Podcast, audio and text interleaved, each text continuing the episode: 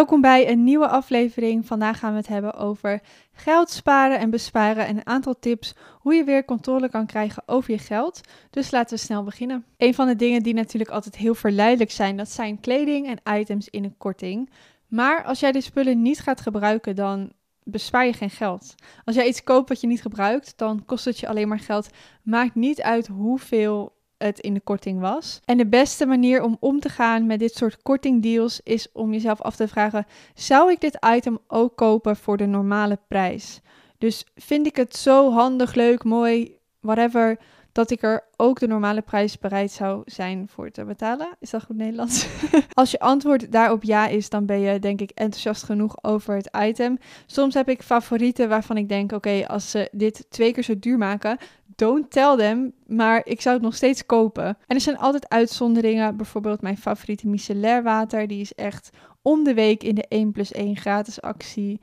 En die, daar zou ik nooit de volle prijs voor betalen, tenzij het nooit in de actie kwam. Dan wel, omdat ik hem zo goed vind. Maar omdat ik al weet van, oh, er is zo vaak een 1 plus 1 dan wacht ik wel tot die actie er is. En net zoals met tandpasta, dat gebruik je twee keer per dag. En daarvan weet je, oké, ik ga het morgen en volgende week en volgende maand ook nog nodig hebben. Het is niet een product waarvan je zegt, nou, weet je, ik ga het gewoon niet meer gebruiken. Dus dat zijn items waarvan ik denk, oké, daar kan je wel voor een deal gaan. Maar over het algemeen zijn aanbiedingen natuurlijk bedoeld om te zorgen dat jij meer uitgeeft in plaats van dat je minder uitgeeft. De volgende tip heeft er ook een beetje mee te maken. Ga niet shoppen als je in een emotionele staat bent. Het is een beetje vergelijkbaar met emotioneel eten.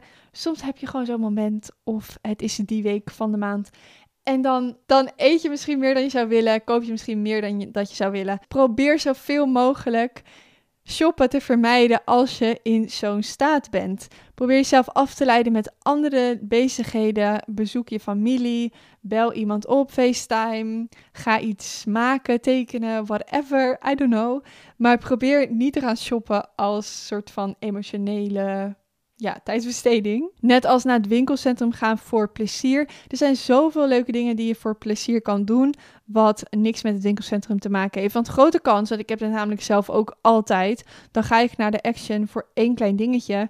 Maar je ziet honderd andere leuke dingen en je gaat bijna nooit met alleen dat ene dingetje weg. Hoe meer je die winkel gewoon überhaupt vermijdt, hoe beter. Tenzij je natuurlijk echt wat items nodig hebt, maar ik heb het meer over shoppen voor plezier.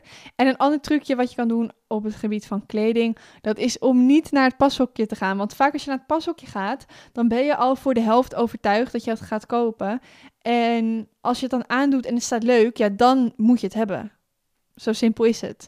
Maar als je niet weet hoe het staat, hoe leuk het is, het is makkelijker om het dan niet te kopen dan wanneer je het al aan hebt en zoiets hebt van, oh, dit ga ik dan aandoen en dan aandoen, met dit combineren. Natuurlijk, als je kleding gaat kopen en je hebt zoiets van, oké, ik heb een nieuwe broek nodig, dan moet je het juist aanpassen. Het liefst bestel ik dan online, zodat ik het thuis met mijn hele kledingkast kan passen. Zo van welke tops, welke blazers staan er leuk bij. Als je met het idee rondloopt van ik moet minder geld uitgeven aan kleding, dan zou ik zeggen vermijd het pashokje ten alle tijden. Veel mensen krijgen de reclamefolders thuis geleverd. Wij gelukkig niet. Ik weet niet of je daarvoor specifiek moet aanmelden of juist moet afmelden. Ik heb me in ieder geval nooit afgemeld op dit adres, maar we krijgen het niet. Maar ik weet wel, als ik bij mijn oma ben, dan ligt het er altijd en dan ga je toch even kijken. Maar eigenlijk heb je niks nodig. Ik heb letterlijk niks nodig wat in die folder staat. Tenzij ik denk, oh, mijn favoriete deo is op. Waar is het in de aanbieding? Dan heb je dus eerst het product in gedachten en dan pas zoek je naar een aanbieding. In plaats van andersom, dat je eerst alle aanbiedingen ziet en dan denkt, hm, wat zal ik eens gaan kopen? Wat ik zelf heb gemerkt tijdens december, januari en februari, dat ik eigenlijk nooit meer online aan het shoppen was, omdat ik gewoon de websites niet bezocht. En daarvoor deed ik het heel veel uit gewoonte. En ik heb nu begin maart weer wat vaker websites bezocht. Maar als het eenmaal in je systeem zit, als het eenmaal gewoond is, dan doe je het vaker. Maar als het er vanzelf uit is, dan. Ik dacht er niet eens meer aan om even naar de HM-website te gaan of Zara Home te bekijken. Dus het is echt een soort gewoonte die je kan afleren. En wat je kan doen als je daar moeite mee hebt, is om de websites te blokkeren, zodat je ze niet kan bezoeken. Of dat je ze alleen ja, maar een kwartiertje of zo kan bezoeken. Je kan ook een limiet op je app zetten op je telefoon. Zodat je maar, nou ja, eigenlijk in een kwartiertje kan je al shoppen of leuke dingen zien natuurlijk. het werkt echt het beste als je gewoon niet kijkt. En als je er dan weer eenmaal in zit, is het weer moeilijker om mee te stoppen. Maar ik denk dan zo, ja, ik heb in ieder geval alweer drie maanden een soort van bespaard. Dus daar ben ik heel blij mee. De volgende tip gaat over creditcards. En veel mensen zullen je misschien vertellen dat het niet verstandig is om een creditcard te nemen. Maar ik ben echt mega fan van een creditcard. En vooral de American Express die ik heb. Je spaart namelijk punten en met die punten kan je bijvoorbeeld gratis vliegtickets kopen. Met uitgaven die ik toch al doe. Betaal mijn boodschappen daarmee ja, dingen voor in huis. Als ik wel kleding ga kopen, betaal ik het ook als het kan met de creditcard. En waar zit nou de valkuil met creditcard? Dat je het niet op tijd afbetaalt. Als je gewoon elke maand afbetaalt, is er echt niks aan de hand. Juist wanneer je het niet afbetaalt, dan komt er een hoge rente bij kijken. Maar als jij gewoon je normale uitgaven op die creditcard doet, die je toch al hebt, dan kan je dus die punten sparen en zo bespaar je op lange termijn geld. Dus je moet daar wel mee om kunnen gaan, want je moet zorgen dat je niet meer uitgeeft dan je hebt. Ja, zoals ik al zei, als je gewoon je normale boodschappen bijvoorbeeld daarmee betaalt, dan kan het bijna niet misgaan. Maar zorg dus wel dat je het elke maand afbetaalt, want die hoge rente, die wil je absoluut niet. Je kan bij de meeste creditcards ook instellen dat het gewoon via automatische incasso wordt afgeschreven. Dus dan hoef je ook niet bang te zijn dat je het vergeet. Iets wat we niet kunnen overslaan. Voor wie koop je eigenlijk dit item? Koop je het voor jezelf of koop je het om indruk te maken op anderen? En wie zijn deze anderen? Boeien zij überhaupt? Probably not. de ene persoon is hier meer gevoelig voor dan de ander. Wat ik zelf heel interessant vind, is om te kijken naar je kleurenpalet. Welke kleuren werken het beste voor jou en welke items en vormen werken het beste voor jouw lichaam? En dan hoef je eigenlijk nooit meer naar trends te kijken. Als je dat weet, dan weet je wat goed voor jou werkt qua kleuren. Want er zijn zoveel kleuren die je waarschijnlijk. Kijk, alle kleuren, tuurlijk, je kan dragen, je mag dragen wat je wil. Maar er zijn een aantal kleuren waardoor je er op je allerbest uit zou zien. En je kan daar meer over vinden als je zoekt op kleuranalyse op YouTube of Pinterest. Maar het lijkt een heel erg soort fashion gerelateerd iets, maar eigenlijk kan je daar ook echt geld mee besparen. Ik zag laatst een blazer en ik dacht, wauw, dit is zo'n mooie, leuke blazer, geweldig, relatief goede prijs. Ik dacht, wauw, perfect, 10 out of 10. Maar het was helemaal niet mijn kleur. Hij was veel te warm. Ik hoefde hem niet eens aan te doen. Ik zat gewoon te denken. Ik dacht, oké, maar dit is niet realistisch, joh. Dit is niet jouw kleurenpalet. Je kan hem aan. Het staat misschien vast nog leuk. Maar op termijn ga je dit weer wegdoen. Want zeker als je een wat mindere dag hebt en je doet het aan, dan denk je, nou.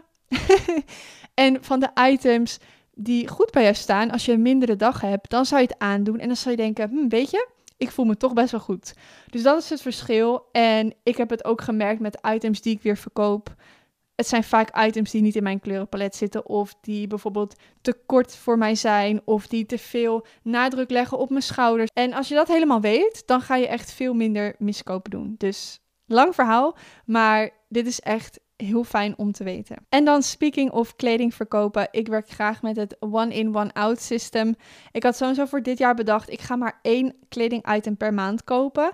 En dan mag het best een wat duurder item zijn. Maar ik ben er misschien een beetje van teruggekomen, want ik heb bijvoorbeeld in februari één jas gekocht en verder nieuw kleding. En dat was een wat duurdere aankoop. Maar nu heb ik in maart bijvoorbeeld een topje gekocht en het is super mooie kwaliteit. Ik ben er heel erg blij mee. Als je via YouTube kijkt, dan kan je zien welke top ik bedoel. En deze was maar 23 euro. En dan denk ik, ja, in verhouding met die jas kan ik dan dus nog best wat bijkopen. Ik zocht ook een nieuwe broek en toen dacht ik, ga ik dan een hele maand wachten? Het zou kunnen natuurlijk. Of ik ga met one-in, one-out system werken en ik heb zelfs voor elk item meer dan één weggedaan. Ik heb echt tientallen items verkocht via Vinted. Ik heb al meer terugverdiend via Vinted dan ik heb uitgegeven. En eigenlijk is het ook niet nieuw geld wat je dan uitgeeft, want de spullen die je al hebt, dat geld heb je al uitgegeven, dat geld is weg. Of je de items nou gratis weggeeft of laat hangen in je kast, het geld is al weg. Het enige wat je nog kan doen als je het verkoopt, is een klein deel van die uitgaven weer terugkrijgen. En zo heb ik het dus voor mezelf geredeneerd dat ik wat ik dan terugkrijg, dat kan ik dan weer besteden aan nieuwe dingen. Maar niet alleen aan kleding, ook aan beautyproducten, dingen voor in huis, als ik iets wil veranderen. En zo probeer ik dus eigenlijk te zorgen dat mijn nieuwe geld, wat nieuw inkomt, gewoon via inkomen, dat gaat naar huis, eten en sparen.